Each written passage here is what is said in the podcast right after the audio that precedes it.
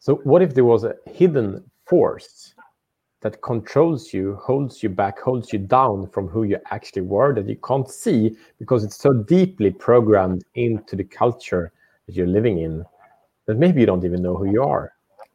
Oh my God, that's a big one.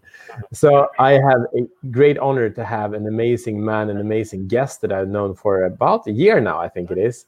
And he is inspiring me in so many ways in how he is showing up in the world, uh, leading his life, leading his family, leading and inspiring people around him.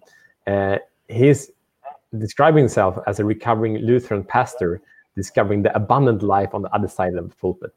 And, and this man just has such a huge heart and is really committed to show up and offer uh, an alternative way to see ourselves in in uh, to be okay with who we are, no matter how how we are.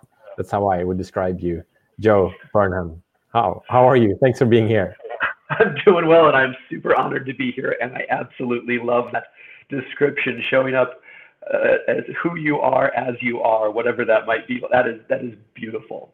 Mm-hmm. Um, and, and, I think there's a lot of truth there, and that that process of, of so often even just figuring out who we are, that is um, that we, we we often don't do well, and and and there's some of that hidden force that you bring up and some of that stuff that's embedded and interwoven into culture that I think is, is, is so true that way. So I'm honored to be here.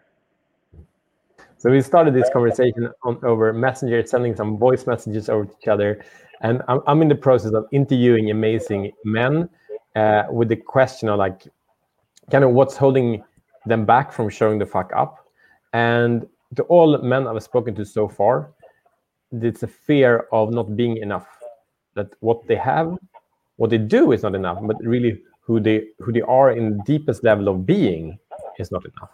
The longing for acceptance, longing for approval, but also part of the longing for just kind of relaxing, you know, like not yeah. having to be active, not having to produce and to to grow even, right? And still be okay. And from these interviews, I send you a message kind of asking what is the Christian origin, and asking about Adam, asking about uh, Jesus, and about the judgment that has happened like in, in, in really old times, and how that's impacted us today. Yeah. Um, so yeah, I mean, the whole conversation sort of started, and, and how do we how do we even read these stories? How do we understand these stories? And you offered one take that, that you're sort of finding that is, is very life giving and very freeing. And, and, and yet, that's not what Christianity, at least in the West, has largely expounded over the past thousand years. Hmm. Um, uh, and, and I would say that um, the story of um, Christianity coming out of Europe over the past thousand years has been one that um, is actually built to prevent people, not just men, but all people from showing the fuck up. Um, it, it, actually is designed to to restrain and disempower. And so, but it's all about how you read those stories. So if you read the story as, you know, you talk about Adam and Eve. So you can read the story as um, Adam and Eve are set in this garden, and they rebel against God by eating this fruit, and God is angry at them, and and and God is um, so offended that he that, that they would break the divine rule. Um, in this case, it always ends up being a he God.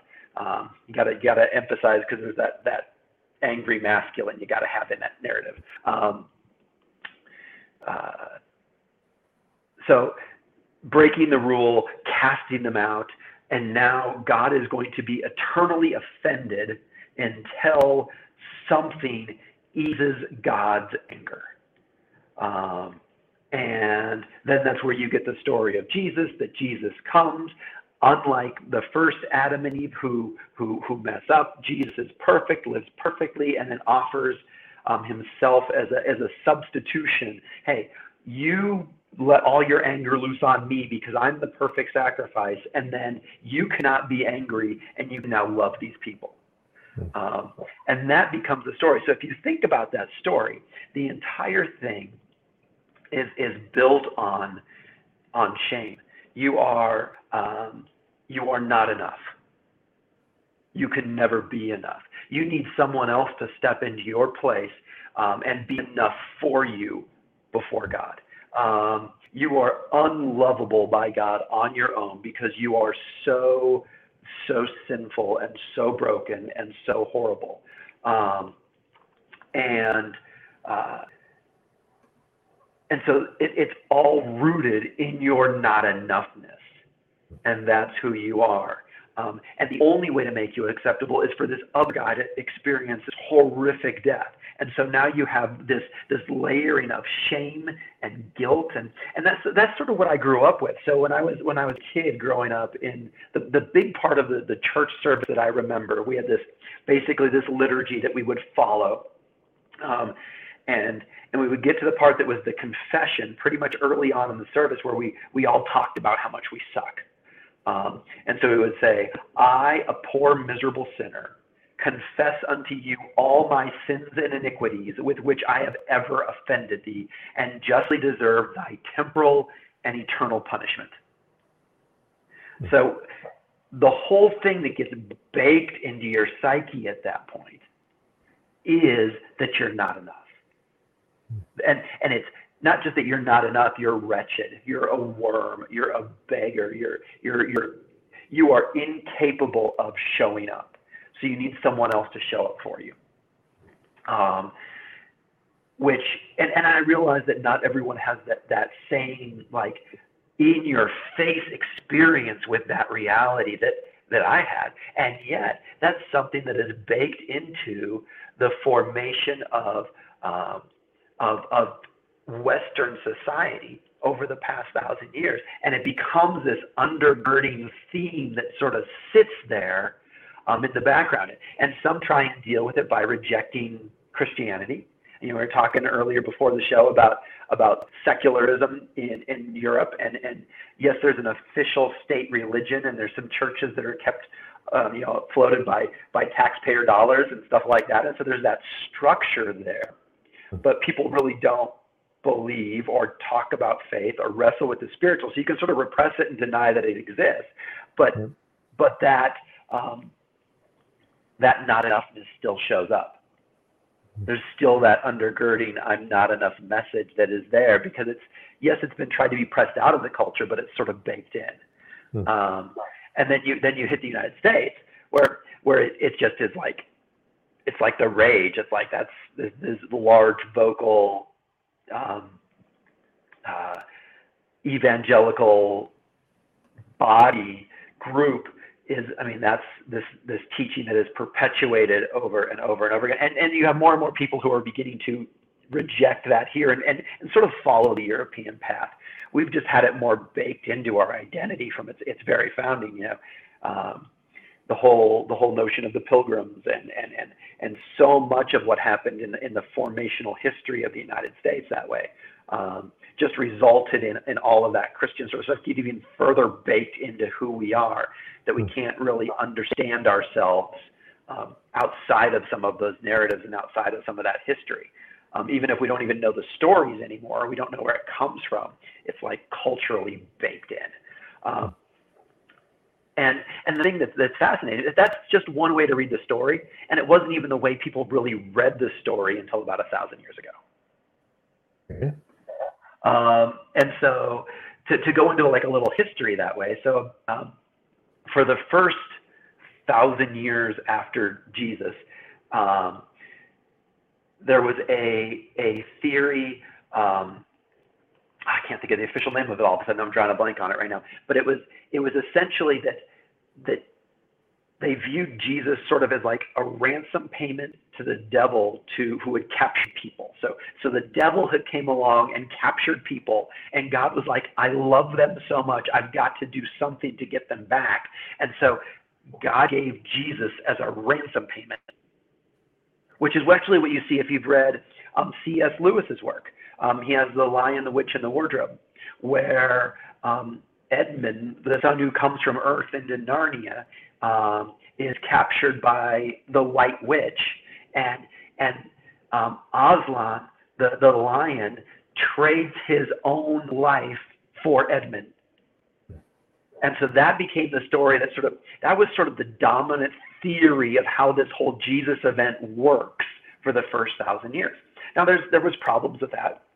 It puts like the devil on par with God, and they're like equal opposite forces. And and if and if then then you really have two gods, one good God, one evil God, and they're battling it out for control of things. Um, and so you know there's some there were some challenges that way. And so people began to question that whole theory. It took about a thousand years for people to really question the theory. There was some other stuff earlier on that began to filter into to thought processes theologically. Um, but about a thousand years ago, a guy named Anselm of Canterbury wrote a book on why God became a human. Well, a thousand years ago, Europe was living in feudal culture.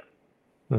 And so a um, if you have a lord who has a castle and power and, and, and loans land and stuff like that, and then you have the majority, the serfs, whose job is to work the land, and then they give a portion of what they they bring from the land to the lord in exchange for protection when they need it. They can all get inside the castle area and they're safe as as as marauders or invaders or you know some of those some of those Norsemen come down from from Sweden and and you know rampage the Vikings on the loose.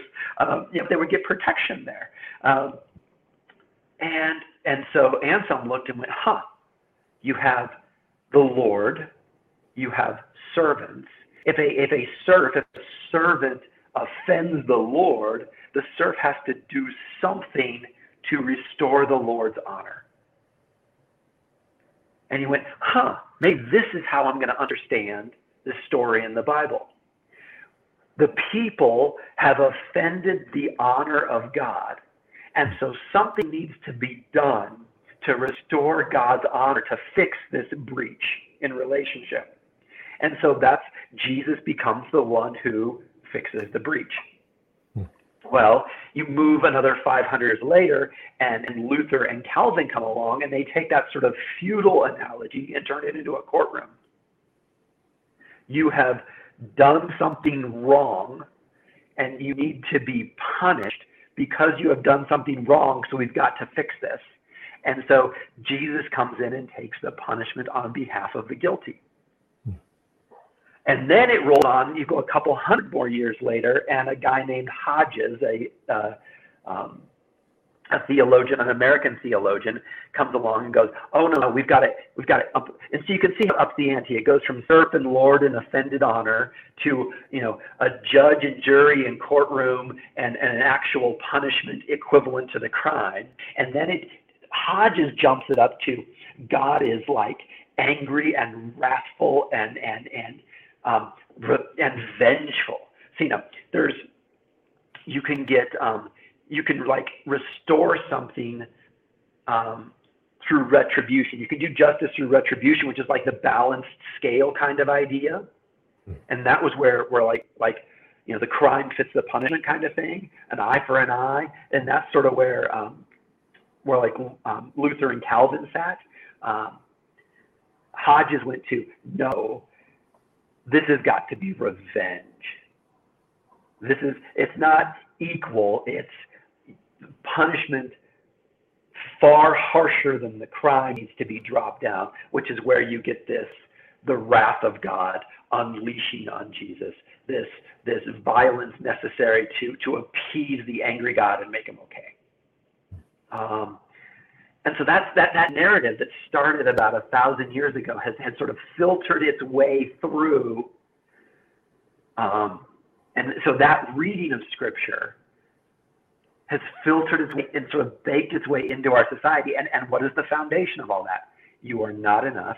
You are shameful. You are unable to show up. You are, you are, you know, it's, it's like you said, it's, it's not enough. You're not enough. And so that gets baked into to how we think about ourselves at that fundamental level. Interestingly enough, right about the same time that Anselm was around, was another guy named Abelard who ultimately got kicked out of the church for being a heretic because of what he taught about the atonement. Um, and he came along and, and said something more to the effect that no, Jesus wasn't about um, changing God's mind about humanity. And it wasn't so much about paying off the devil. Jesus came to change humanity's mind about God. Um, and there was a, a Franciscan, John Duns Scotus, in, in that same, just a little, I think, it I think he came a little further down the line. I forget his dates, but he said essentially the same thing. So there's been this, this weaving trend. Um, and, and so what that would say is that, no, this whole story is one of um, Adam and Eve rebel against God, and, and God comes to the garden with grace and love, and, and humanity is like, I, I can't receive you that way and pulls away. Hmm. The problem from the very beginning isn't how God views humanity. The problem with, with, is now how humanity views God. And so we immediately begin to think, oh, I did something wrong. God must be punishing. I had that, I had that conversation with my son like a year ago. And, and it was like, well, if I was God, this is his line. He's like, if I was God, I'd be really upset at how people live and so I would be angry. And so I want to, I imagine God to think like I would. Yep. Um, as opposed to the story saying, no, we, we're creating God in our own image. And, and God is constantly in this business of, of coming to declaring love, wanting to draw close, wanting to invite us in, telling us that we're enough, telling us that we're beloved. And, and, and so Jesus goes to the cross because he comes to proclaim just how loving God is and how, how, God's, how God views humanity.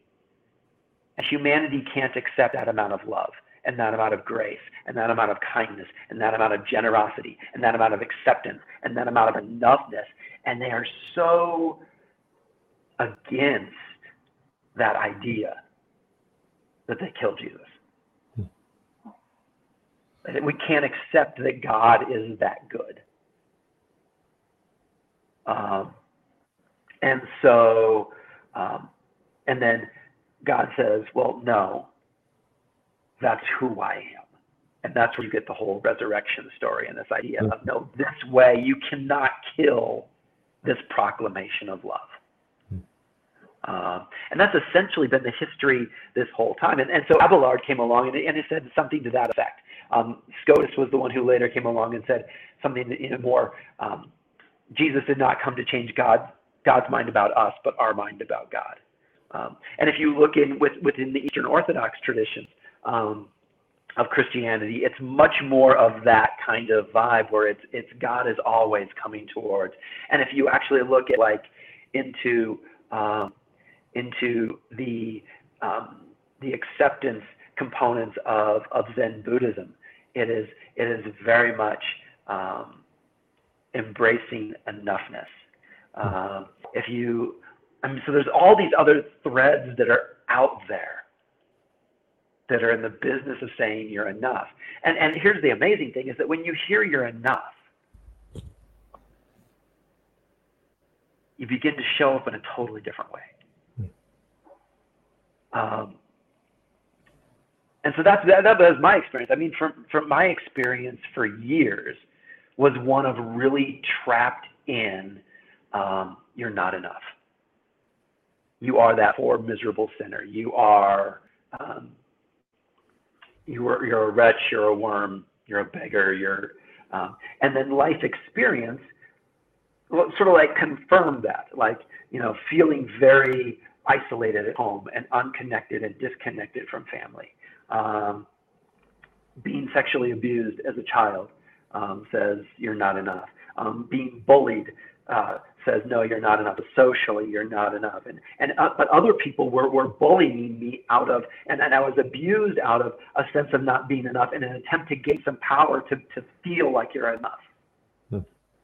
And so there's this desperate clinging that we engage in. So we either end up broken down or we end up in this spot where we're fighting to prove that we're enough. And we always do it at the expense of someone else. So if we can drive someone else down, suddenly we feel bigger.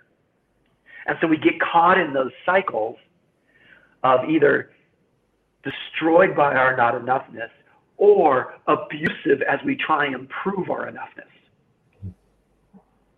Um, and so so as I as I grew up, there was this deep sense of, of inadequacy and shame and um, and and self hatred really, um, and and caught in not enough, which which affected. Um, you know, there's a reason I'm divorced twice. Um, I couldn't grasp enoughness. I couldn't show up. I couldn't be present. I was. We were talking about that before the talk. That you know, recently my, like a little over a week or a week and a half ago, my son just sort of laid out. Um, he's about to turn 14, and he just laid out and said, "This is this is how I think of you. This is what I remember of you. These are the Dhamma things that." And and his message was, "I'm not enough." And it was it was your lack of presence, your lack of showing up sent the message to me that I'm not enough. And I don't think I'll ever be enough for you. And I don't think you'll ever accept me or love me where I'm at. Um, and um, and I had to stop and say, you know what? I'm I'm really sorry. I was I was so trapped in my own inner world that um, I couldn't show up. I didn't know how to show up. I, being present, I, I, I, I could fake it for moments. I could pop in. I could, you know, have my, my instances of showing up, but I just really, as far as genuinely present, I had no idea how to be there. Um, and I was, and, and just had to, to deeply apologize to him for that. Um, because he, he was, he was right on, on, on that instance that, that I, I, I didn't show up and it left him feeling not enough, which sort of perpetuates that cycle. Hmm.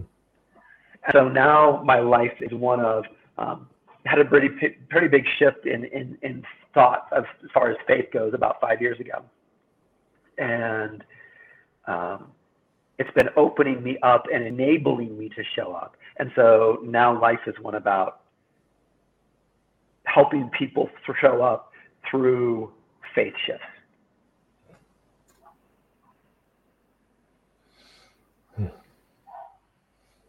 Thank you, Jim. hmm.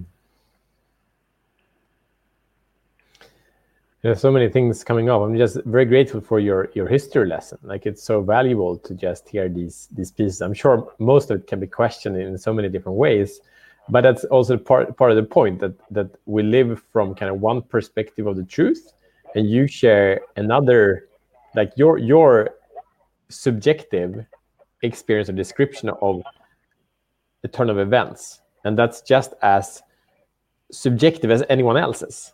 And i think you're more objective because you studied much more than, than me and many other people but it just shows like how many versions it possibly could be yeah. and that just opens up that that that that there is no no truth or like sure there is maybe some truth but in in the the logic of how these things have been working out will never come to that place mm-hmm.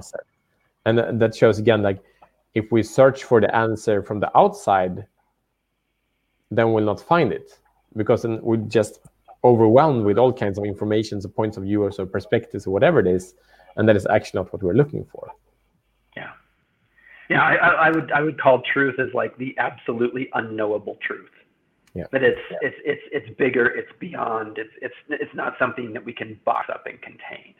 Um, um, at the same time, I would say that there's um, I'm I'm increasingly a fan of, of Carl Jung, the uh, the sweetest the Swedish sweetest Swedish um, analytical psychologist. I think he was Swede. I think no, no, not Swedish. The, the Swiss. Swiss. There we go. Swiss. Where'd I, where'd I go? Swiss. Swiss. I knew he was somewhere else. Gosh, I'm yeah, geography. You know, I'm an American, so we'll just write it off as that. European, right? Yes, he was a European. It's all over there. You're all one country, right? Yeah. you know, Europe, Africa, the United States. They're all countries. No, I'm just kidding. Unfortunately, it's sadly true as far as a lot of America, but that's a whole other topic. We can talk about Americans some other time. We're an embarrassing bunch. Um, but no, he was a, a, a Swiss, um, I believe he was Swiss uh, psych, um, psychotherapist. But he talks about the idea that there is is like unconscious knowledge, like like ancestral knowledge that, that all of us as people have by birthright, mm. um, but we have no sense of how to access it. Um, and so he would argue that there, there is something undergirding all of this, something behind this um, that's there, but we, we, we don't know how to hear it or listen to it. Um, and I think this notion of, I, th- I, think, I think the whole religious Christian Jesus story is a great way to, um, to tell the story of what our, um, our ancestral knowledge is trying to tell us. Yeah. Um, you're enough. And part of what I, what I see also is this is this huge timeline we have, like for thousands thousands of years. And if mm-hmm. we just put the kind of historical events and the ancestral timeline, and we don't put kind of the human aspect, we just put this line of events. Okay, how, how society has been, how we've been living in small tribes, how the development of, of the city feudal system and the and the uh, industrial revolutions and so on and so forth. We just add these kind of components as a math formula, and, and we check out what will happen here. I think the experience or, or the, the, the, what you said, like Americans are having some some some maybe some identity issues or, or challenges about the world views or perspectives. But it's like it's obvious because like and say a new country as the US needs to have an insane nationalism. And it's like we are we and we are the most important because if there's no we, then who are we then? Mm-hmm. It's like if you look in the evolutionary development of a child, it's the same, you know, coming to, the, I don't know, three years old, where it's like, okay, understanding that this is me. That's a beautiful analogy. We need that. And then we will be able at some point to open up and see there are other parts that that are, I don't need to protect that hard. Yeah. Yeah. Oh, that's a beautiful analogy. When I heard this, this story, I don't know if I can retell it, but I, I will make an attempt. It's an article from a Native American woman speaking and kind of praying to her people to be peaceful towards the aggressors of her people.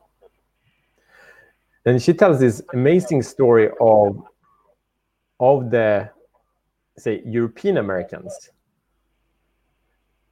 and uh, how, how the people that came to, to the US, they are a people who haven't been Christian forever mm-hmm. that in, in one like in in in the in Sweden we win been like an hedonistic culture with with the Nordic gods. And that's who we were. That's like Christmas for us was called Yule. That was an hedonistic celebration, and, and Påsk is, is like Easter, and that's also the old culture. Mm-hmm. And then at some point, that and I don't believe that it's not the, the, the message of Christianity anyway, but people who, who stood for Christianity came and took over. This is what you believe now. Otherwise, we'll yeah. kill you. And I say that's rather violent. And then if you look at a person who has has a story that my dad was killed by an um, oppressor who told my mom and also what to believe. Mm-hmm.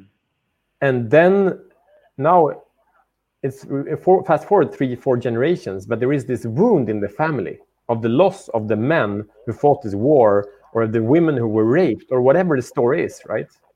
Yeah. And the coming generations of, of the ap- emotional absence of all the family, of the abuse of alcohol or whatever it is of escapism that is needed for anyone who goes through such trauma.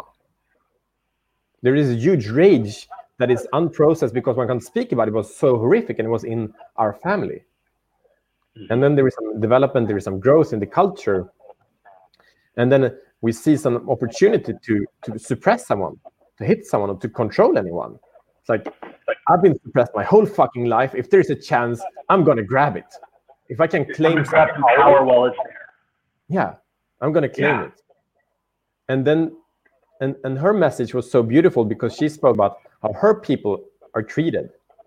And she said, there couldn't be any other way that we are like imprisoned or in, put into camps. It could not be any other way. because anyone coming moving to a different country exploring that with that history that amount of pain. Just looking for a new land where that pain wouldn't be carried over. That hope of a new answer. Nothing else than that pain and that abuse that is now happening to my people could happen. Yeah. And she also explained that through the eye of the of the addiction and so on of, of her sisters and brothers. Mm-hmm. of course this is happening. And after that there will be rage but please look at, do not. look, exactly. look at all the pain they are carrying. Yeah.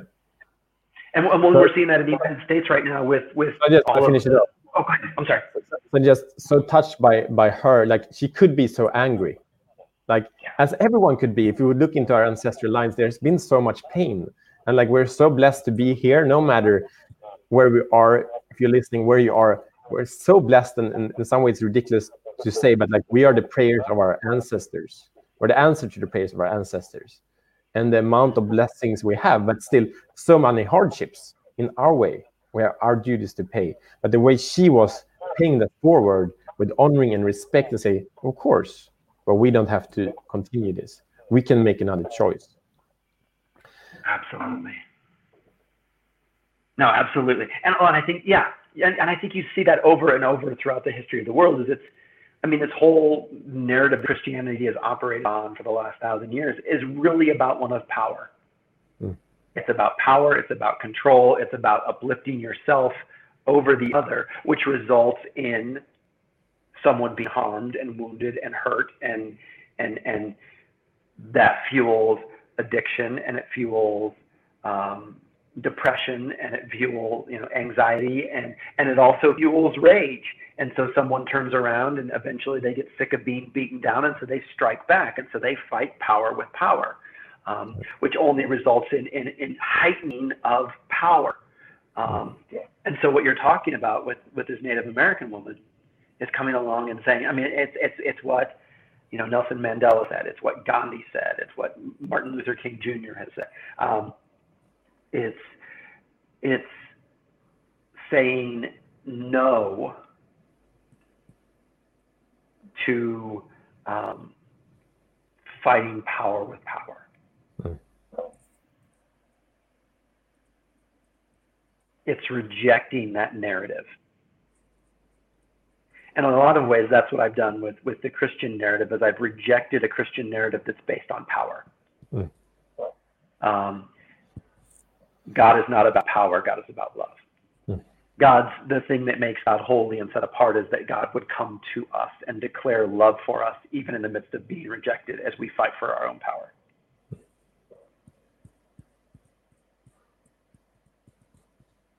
Hmm. which makes some people in the church pretty pissed off, but I don't care. Hmm. Good. Hmm. And that's why I'm a spiritual misfit. I'm having some thought, and um, maybe you can continue to, um, with this history we're coming from. It's obvious that we don't feel enough because of the stories that we have been told for so many generations and in some way i don't know have the proof of it maybe you can share it isn't that proof that we don't believe that we are enough doesn't that mean that we are enough or in what way is that true so our our not believing that we're enough means that we are enough yeah fill me in i'm i'm i'm i'm i'm, I'm working on tracking here so, so uh, me too me too but it just feels right and i think it can be in the sense that it shows that we are human it shows that we mm. have desire. It shows that we are not God. Mm-hmm. It shows that that we have imperfections. It shows that we are longing for contribution. It shows that we are longing for community, tribes, families. It shows an ability to to adapt. Mm-hmm. And if we didn't do that, that would be wrong. That would be weird, and we would become outcasts. But it's the the feeling of not enoughness that is the, is the essence, I believe, in our society. It's everywhere and makes us part of it. And that means that because then I am part of society, I'm part of culture, I'm a misfit, but it's to be the misfit is to fit in in some way. Yeah.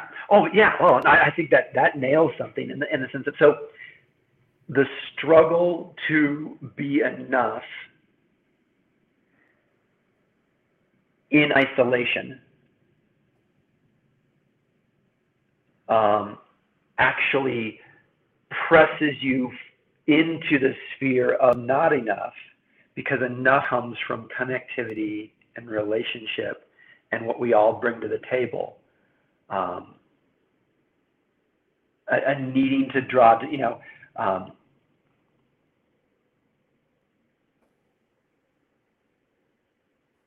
we are enough. There's a hmm. That that's that's a there there's there's something in there. Yeah, that's like there's like a lot of substance. I mean, the the sense of not enoughness, or the thing that inspires us to to pursue our own isolated enoughness. Um, is the is the very thing where we we can we can find our enoughness if we if we seek it together or discover it together as opposed to seeking it ourselves. Um,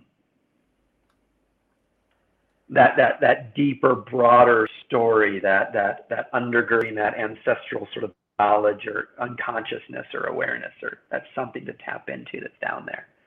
Um, oh wow, I didn't know you were going to have me like pondering off on all sorts of random, shooting off into different directions here. Um, I'm, I'm, gonna, I need you to chew on that one. I think there's, but I think there's, you're right. There's something there. There's, there is the fact that we don't feel enough that demonstrates um, we find our enoughness in our not feeling enough. I think uh, um, to refer to a process with my wife, I've been having the I have an amazing wife, and and the past weeks I've been intensely in the experience of loving her unconditionally, and and and it has not been because she's perfect. It has not been because I'm perfect.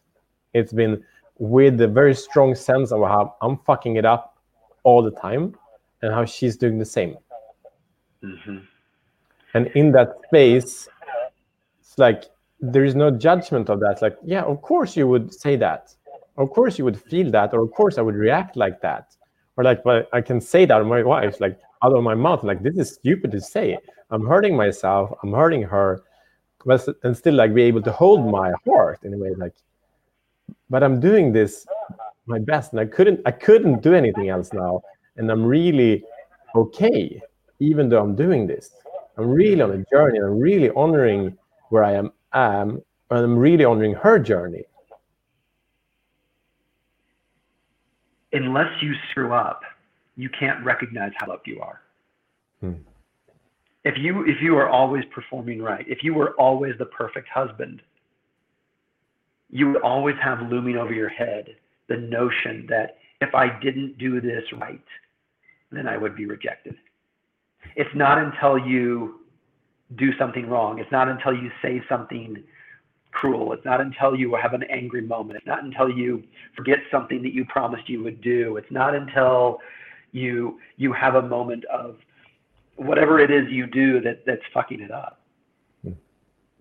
And she responds with love. That you can really go, oh, I'm loved based on my essence over my performance. Mm. And that's and shame and performance get so tied in together. Um, and so we perform trying to prove that we're enough while shame says that we're not enough. And so those two are they're constantly fighting it out. Um, and so shame says you're not enough, so you try and perform more. And so shame says you're still not enough, so you try and perform more. And so you end up, and that's where the power then comes into play and trying to find some strength in there to counteract that that voice. Mm. But but when someone comes along and says, "Hey, in spite of the things that you do that are that are imperfect and wrong, you are loved." Hmm. And that's that's the foundational problem with that whole take on Christianity. It's all built on morality. It's all built on performance.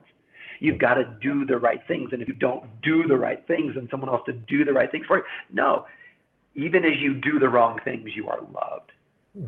and you're embraced there. Now, what kicks around then is as you realize that you're loved, what springs forward from being loved? doing the quote right things. Mm. You find yourself um, more loving. You find yourself more present. You find yourself more engaged because now you're not worried about trying to make yourself okay anymore. Hmm. I'm okay, so I'm just allowed to to love you. I was I was I did a funeral a, a number of months back, um, and was it was a um, a 27 year old who accidentally overdosed, and um, his dad was this super successful businessman and had all these super successful businessman friends. And after the funeral, um, we went back to the dad's place, and we were sitting there drinking scotch and um, just sort of just sort of kicking it and talking. And we started talking about um, business and what business, the purpose of business is. And I and I, I made the comment somewhere in there that we often really screw up with our businesses. We build up businesses so we can feel like we're enough, so we can feel okay. Because if we have all of this success and all of this power and all the stuff that comes with this great business, then we get to feel like we're enough. So essentially, we're using everything around us to make us feel okay. Hmm. Um, but really, business should come from I'm okay. How can I now serve others through this work that I'm doing? So you view business not as a chance to exploit an employee to gain power, but you view business as an opportunity to bless an employee so they can take care of their family. Um, you want to, I mean, and, and to put this on a, a huge mega scale where this goes totally wrong. So it just came out yesterday, I saw it, that, that Jeff Bezos, owner of Amazon, founder of Amazon, has made enough money during the pandemic, just during the pandemic, that he could pay every single one of his employees $105,000.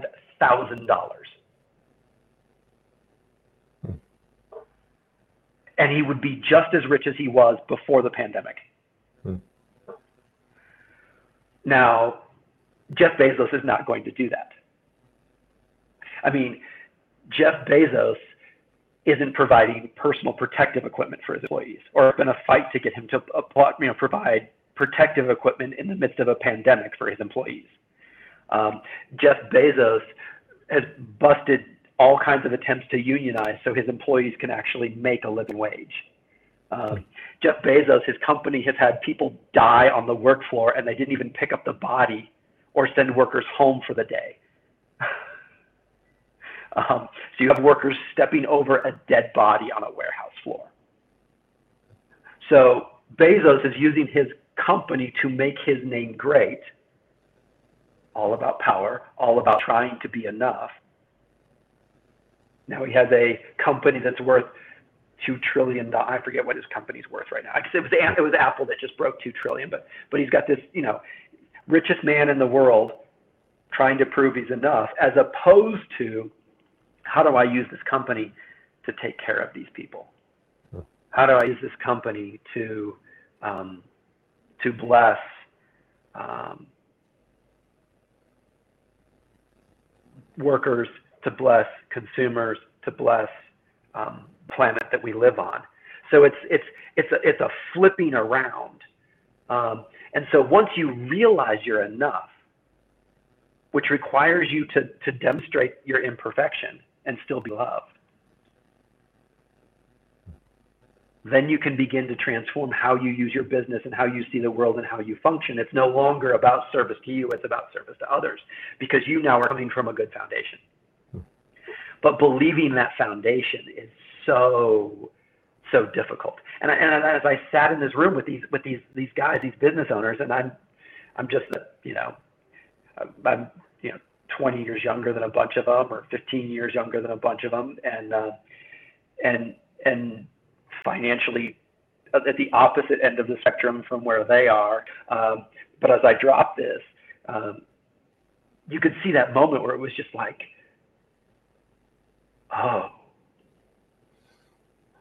i i did this all wrong. I'm, I'm building things the wrong way. This this this thing i'm building I've made it about me as opposed to as opposed to others. Hmm.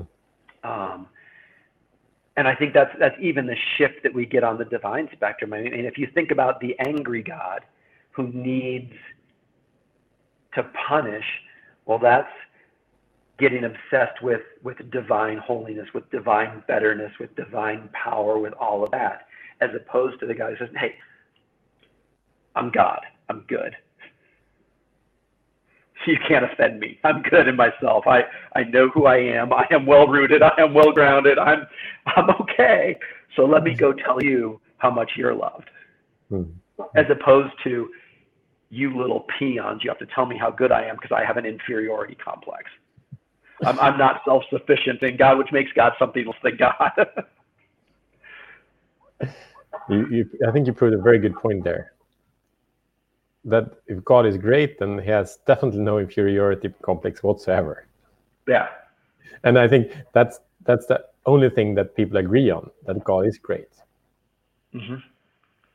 That the divine, that the, the universe, however you want to describe that, or whatever you you believe in a, in a metaphysical level.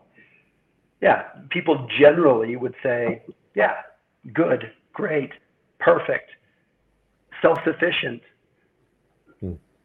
all good in in in well and then the christian tradition would argue not in isolation because the christian tradition then argue that even even god is a relationship where you have father son spirit and this whole trinitarian idea. And so there's this sense of this intermingling interloving relationship between um, I guess if I'm going to be theologically correct, I have to say three people, one person, or something like that. But you know, that's we don't we don't need to get into the, the depths of Trinitarian theology here. But that's but that's the idea behind the Trinity thing is is the idea that that there's this inner relationship of of reciprocal love that is bouncing back and forth that becomes this generative creative power. Hmm. And the whole story of as I read it, the whole story of the Bible is one of this, this, this reciprocal loving relationship, wanting to extend the love that is shared to all of creation. Hmm. And so it's essentially, it's about inviting us into a divine dance of love. But instead, we prefer to think of a God that has an inferiority complex, probably because we have inferiority complexes. And When it comes down to, to translation, there is uh, like it, again, it can't be translated in any other way than it has been because of the level of awareness, level of consciousness that's been ruling or that is ruling now. Like this is how it has to be. If it would be explained in any other way, it would be explained as um, mysticism or weird, and would be the book would be burned, right? Yeah. So we need we need to expand what is like the science of flow. I think it says you need to expand your comfort zone with four percent. So what, what does the the translation of of of the scriptures look four percent beyond what people think is possible right now? You can't say very much. If it's more than four percent, the book will be burned. So how can we say this? That is mm. thinkable. Oh gosh, how do we make it? How do we make that bite sizable enough? I think you know. I think that's at some level that's what Jesus did with parables. Hmm. You know, one of the, the the one that caught me. So so um, uh, when was that? That was like April, May of 2015. I'm sitting down in front of my computer, um, supposedly having to get my doctoral dissertation on the page. And it was a, a doctor of ministry in um, spiritual formation. And as I'm getting ready trying to type, I realized I have absolutely nothing to say. I've done all I've done I've done so much schooling and so many years of studying this stuff and read so much and I'm looking at it I got nothing because I am totally and completely spiritually deformed. Hmm. Um, and so it sent me on a journey of trying to figure out um, how I ended up as deformed as I was. And my, my dissertation actually became an exploration into how God talk affects us. Um, and and my moment of my moment of breakthrough came in a single parable. And maybe that's where you start thinking about 4%. And so it was the parable of of the prodigal son, um, which which showed up in the God. And basically, it's so it's a a, a man has two sons, um, and the younger son says, um, "Can I have my share of the inheritance now?" Um, which basically says, "Hey, Dad, I don't care about you. I wish you were dead. Um, can you give me your inheritance, and, and I can go do my life without you? Um, and I'm just going to pretend you're dead." Um, at which point, the older son should like kick his younger brother's butt and put him in line and straighten him out and keep him in line with the family, but he says nothing. And so both sons basically say, Dad, we wish you were dead. Um, and the father then does something ridiculous. Instead of like disowning his sons or scolding his sons or punishing his sons, he gives them the inheritance. He splits everything in half and, and distributes it between the two of them. And um, the younger son turns around and sells everything and goes off to a different land and lives like a party animal for a while and blows the entire inheritance. Um, and then he realizes that um, he's not going to make it. He's eating pig slop. He's he's in the worst of situations, and so he's he's scheming. He's like, how do I get back home? And and a lot of the time we think of it as, oh, he came back to be a hired hand. His his, his dad accepted him, but there's actually more to it. It's it's as you dig into the the the, um, the cultural nuance, the way that the son comes back, he comes back saying, bring me on as a hired hand so I can earn the money that I've lost back and sort of restore myself in the system. And so his plan in coming back isn't even one of, I'm sorry. Hey, dad, um, I did this really bad thing. I, I lost your money. Not, dad, I wished you were dead. You know, that's, that's, that seems to be the bigger offense. Dad, I wish you were dead versus dad, I lost a bunch of money. Which one's worse? You know, it's dad, I wish you were, but he comes back and he's like, hey, dad, I, I screwed up. Can you teach me how to earn this money back so that I can restore myself so that I can be okay again? Um, and, and I think that's often how we, we approach things. We're like, how can I restore myself to a place of power? How can I fix things so everything's okay again? How can I, and, it, and it's not one of, um, really resolving the problem that came up in the first place. And, and, and so the son comes back to town with this plan, and the father, from the get go, rejects the idea of the son doing anything to restore himself. Hmm. The father says, No, you're not a hired hand, you're my son. You are always my son and I love you no matter how you think about me. And graciously welcomes him back into the family and celebrates his return and celebrates his arrival.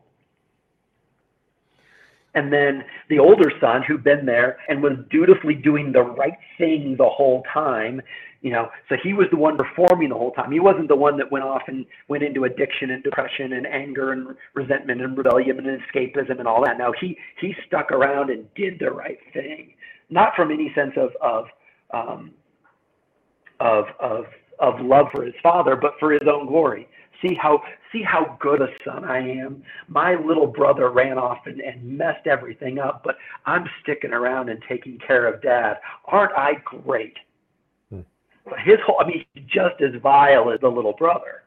Um, and yet, and when he, he expresses to his father, how dare you bring the younger one back? His father goes to him again and says, no, I love you. Don't you get it? This is, my love has always been here for you. And, and even as you stood right there with me, you rejected and, and didn't embrace the love I was, I've been giving you this whole time. Hmm. Um,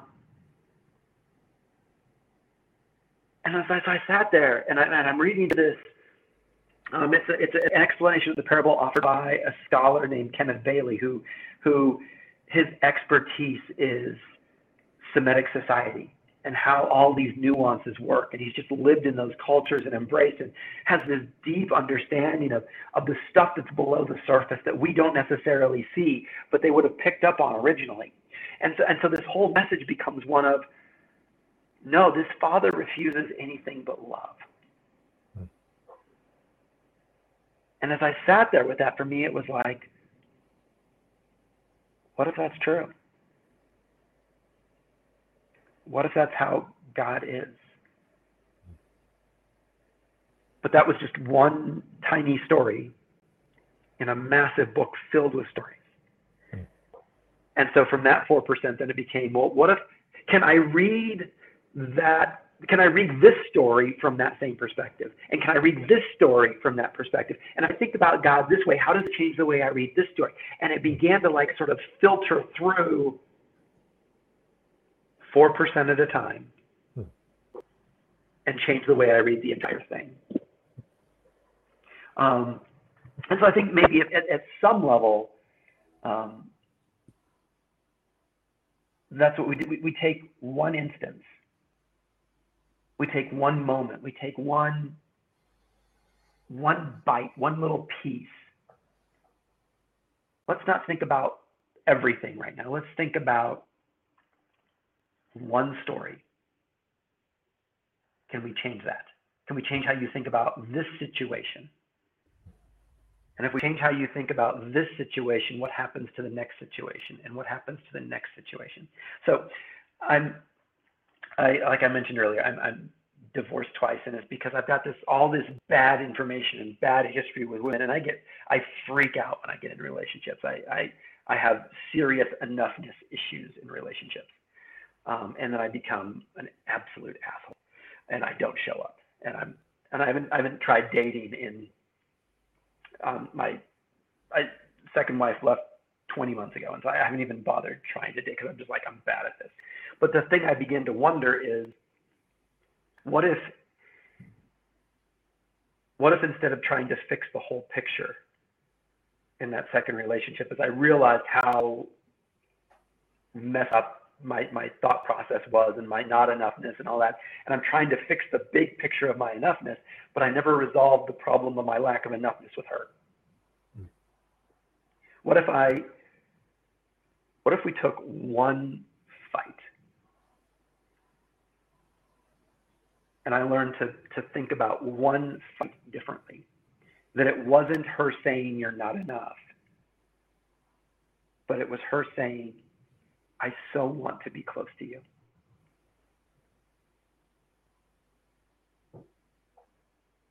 I I want to know that you care about me. And I don't know how to express that right now because I'm so angry because what you did hurts. Um, but what if we saw that that anger as a as, as a as a cry for love, and in that instance changed that one moment? Now, how does that affect the next moment? and the other moments in the past that you've already lived through that you interpreted as, as, as angry and hostile and declaring you're not enough.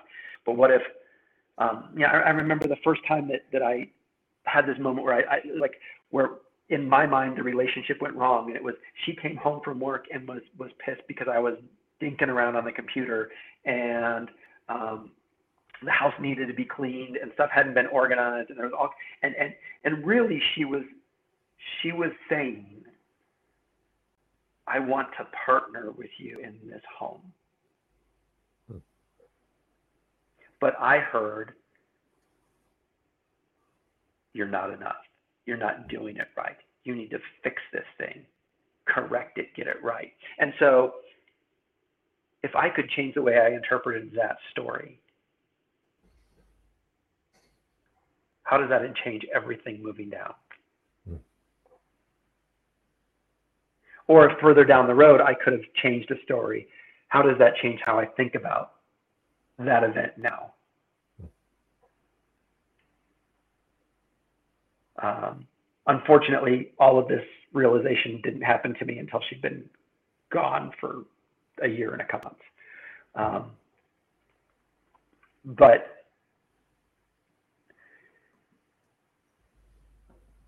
yeah, how does how does how do things change if we just if we take one piece, one moment, one instance, and reframe it? And I think a lot of the time it needs to happen in the relationships that are most important to us which is also the place where often it's hardest to have it happen to us.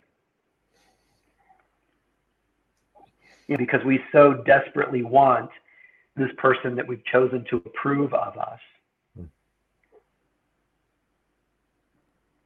You know, um, I think we were talking earlier about my, my son um, sort of letting me know how I hadn't shown up for so long.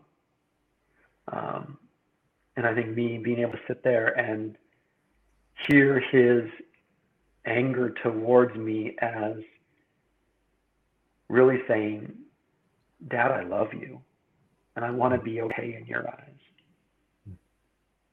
As opposed to, Dad, you didn't show up. You're not enough. You're not good enough. Um, you know, it would have been very easy as he as he talks about where I've I've screwed up for me to drop into to defend and excuse and explain and rationalize and and and try and um, make myself seem enough in that moment. But to sit back and go, no, I, I you're right. As a dad, I wasn't enough there. Then it takes the not being enough from him, and I can absorb it into me. But because of my faith and where that is now, I know that I'm enough. I know that in and of myself, I'm okay. Um, and so I can absorb the not enough delusion because I know that I'm enough, even though at times I haven't been enough.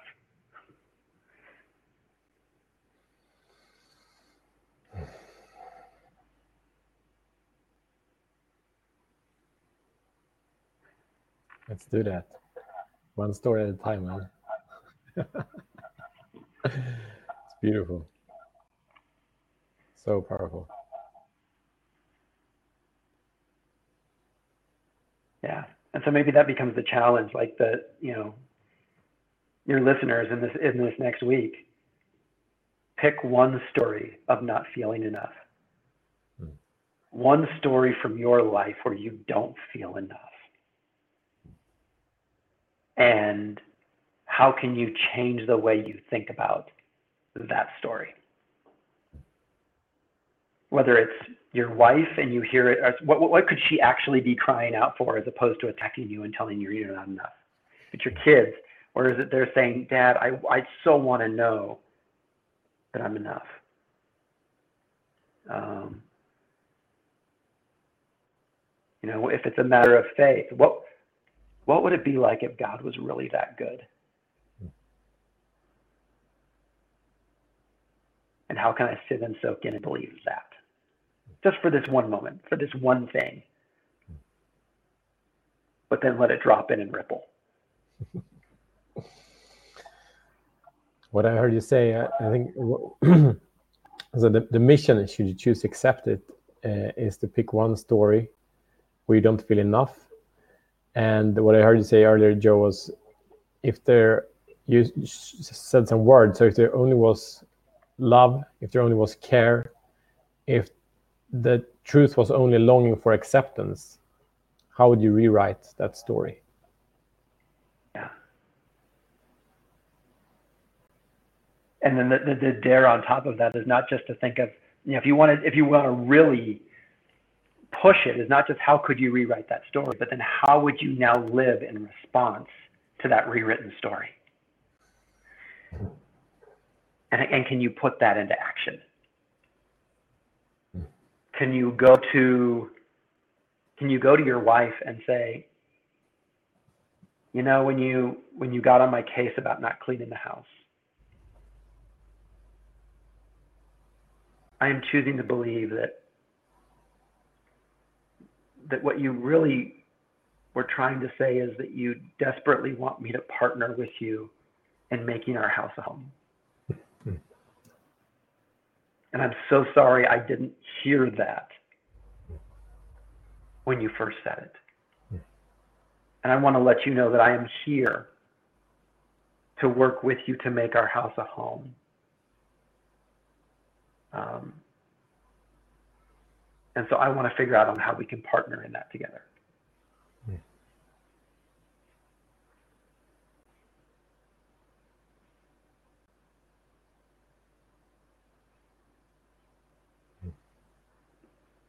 And then she gets to feel like instead of having to do all the work where she is never she's never able to do enough to keep it all together, she now feels like she has you to join her. So together you can make enough. So uh, it undermines the the lack of enoughness in both of you.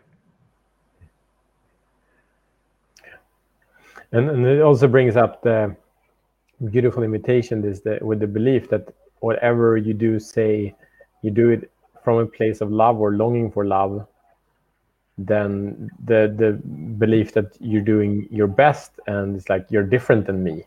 You're you're, do, you're doing your best but you're so different than me. I have no understanding how different you are. But this is your interpretation of love right now. Mm-hmm. this is how you do that. I don't know. I don't get it. It's okay but i understand that's what you're doing and i'm really curious and dedicated to find out your trans- translation of what love means in this moment yeah absolutely. So before we finish off, Joe, uh, give me a, a you know the, the spiritual misfit. What what's the the creed? well, I'm, I'm I'm in the process. It's not launched yet, but it's it's it's coming. So I'm I'm working on creating a radically inclusive community for spiritual misfits. Um, it's a place called Abundance Reconstructed. And so the idea is we, we take this notion, you know, I talk about myself as a recovering Lutheran pastor discovering an abundant life on the other side of the pulpit. Well, an abundant life is a, is a comment that comes from Jesus where he comes and says, um, they come to steal and kill and destroy. I come that they may have life and have it in abundance, or have life and have it abundantly. And so there's this idea of this abundant life. But so often we, we confuse abundant life with a powerful life as opposed to a life of love. And so we want to break down our understanding of abundance and step into this one that's that is about recognizing the love and, and being rooted and being grounded in ourselves. And so I'm going to be launching a community that's that's building on practices to to help people step into that kind of life, um, where they get to live according to who they are. So it's living by it's living by soul. It's living according to who you are at the depth of your person um, your story, your personality, your your history, all the stuff that goes on in you. It's it's it's untapping and figuring that out, so you get to live from a space of of enoughness and something that is genuine for you, but also in a way that then expresses love to others, as opposed to this desperate seeking for your own power and enoughness. Um, and so it, it ties right into everything we've been talking about here here today. Um, best way to find out more at this point is to hit my website, um, joeburnham.com. And right on the front page there, you can sign up for a little um, email newsletter thing. Um, and I'll kick you a, a, PDF of a little ebook I wrote on how I learned to reconnect the dots of the Bible and, and, and the actual experience that I had in my dissertation.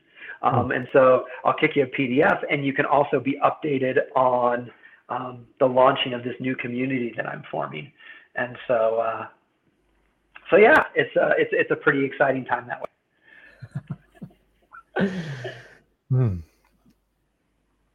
I feel so grateful, Joe. Thank you so much. It's been uh, so expansive to have this conversation with you and explore what being enough means and why we haven't and what it takes. Uh, yeah. Such beautiful conversation. I'm so grateful for this this challenge on, on reframing, recreating the story, and and and yeah, seeing the good and and yeah, I, I think it really like I, I feel it's like claiming ultimate power to be able to take something that can be appeared as hate or or conflict and turn it into love in the moment. Like, how does it get even better than that? So okay. beautiful. No. Thank you. It's been such a gift. It's always a gift to talk to you, but this has been an absolute blast. I really appreciate it. Thank you so much. And um, listeners, you know the challenge. This is a life transforming challenge. Like this one, do that. Pick one story where you don't feel enough, and and check in how would that story be if you were enough, if there were only love, longing, acceptance, care. I'm looking forward to this one. Thank you so much, Joe, and see you tomorrow as better men.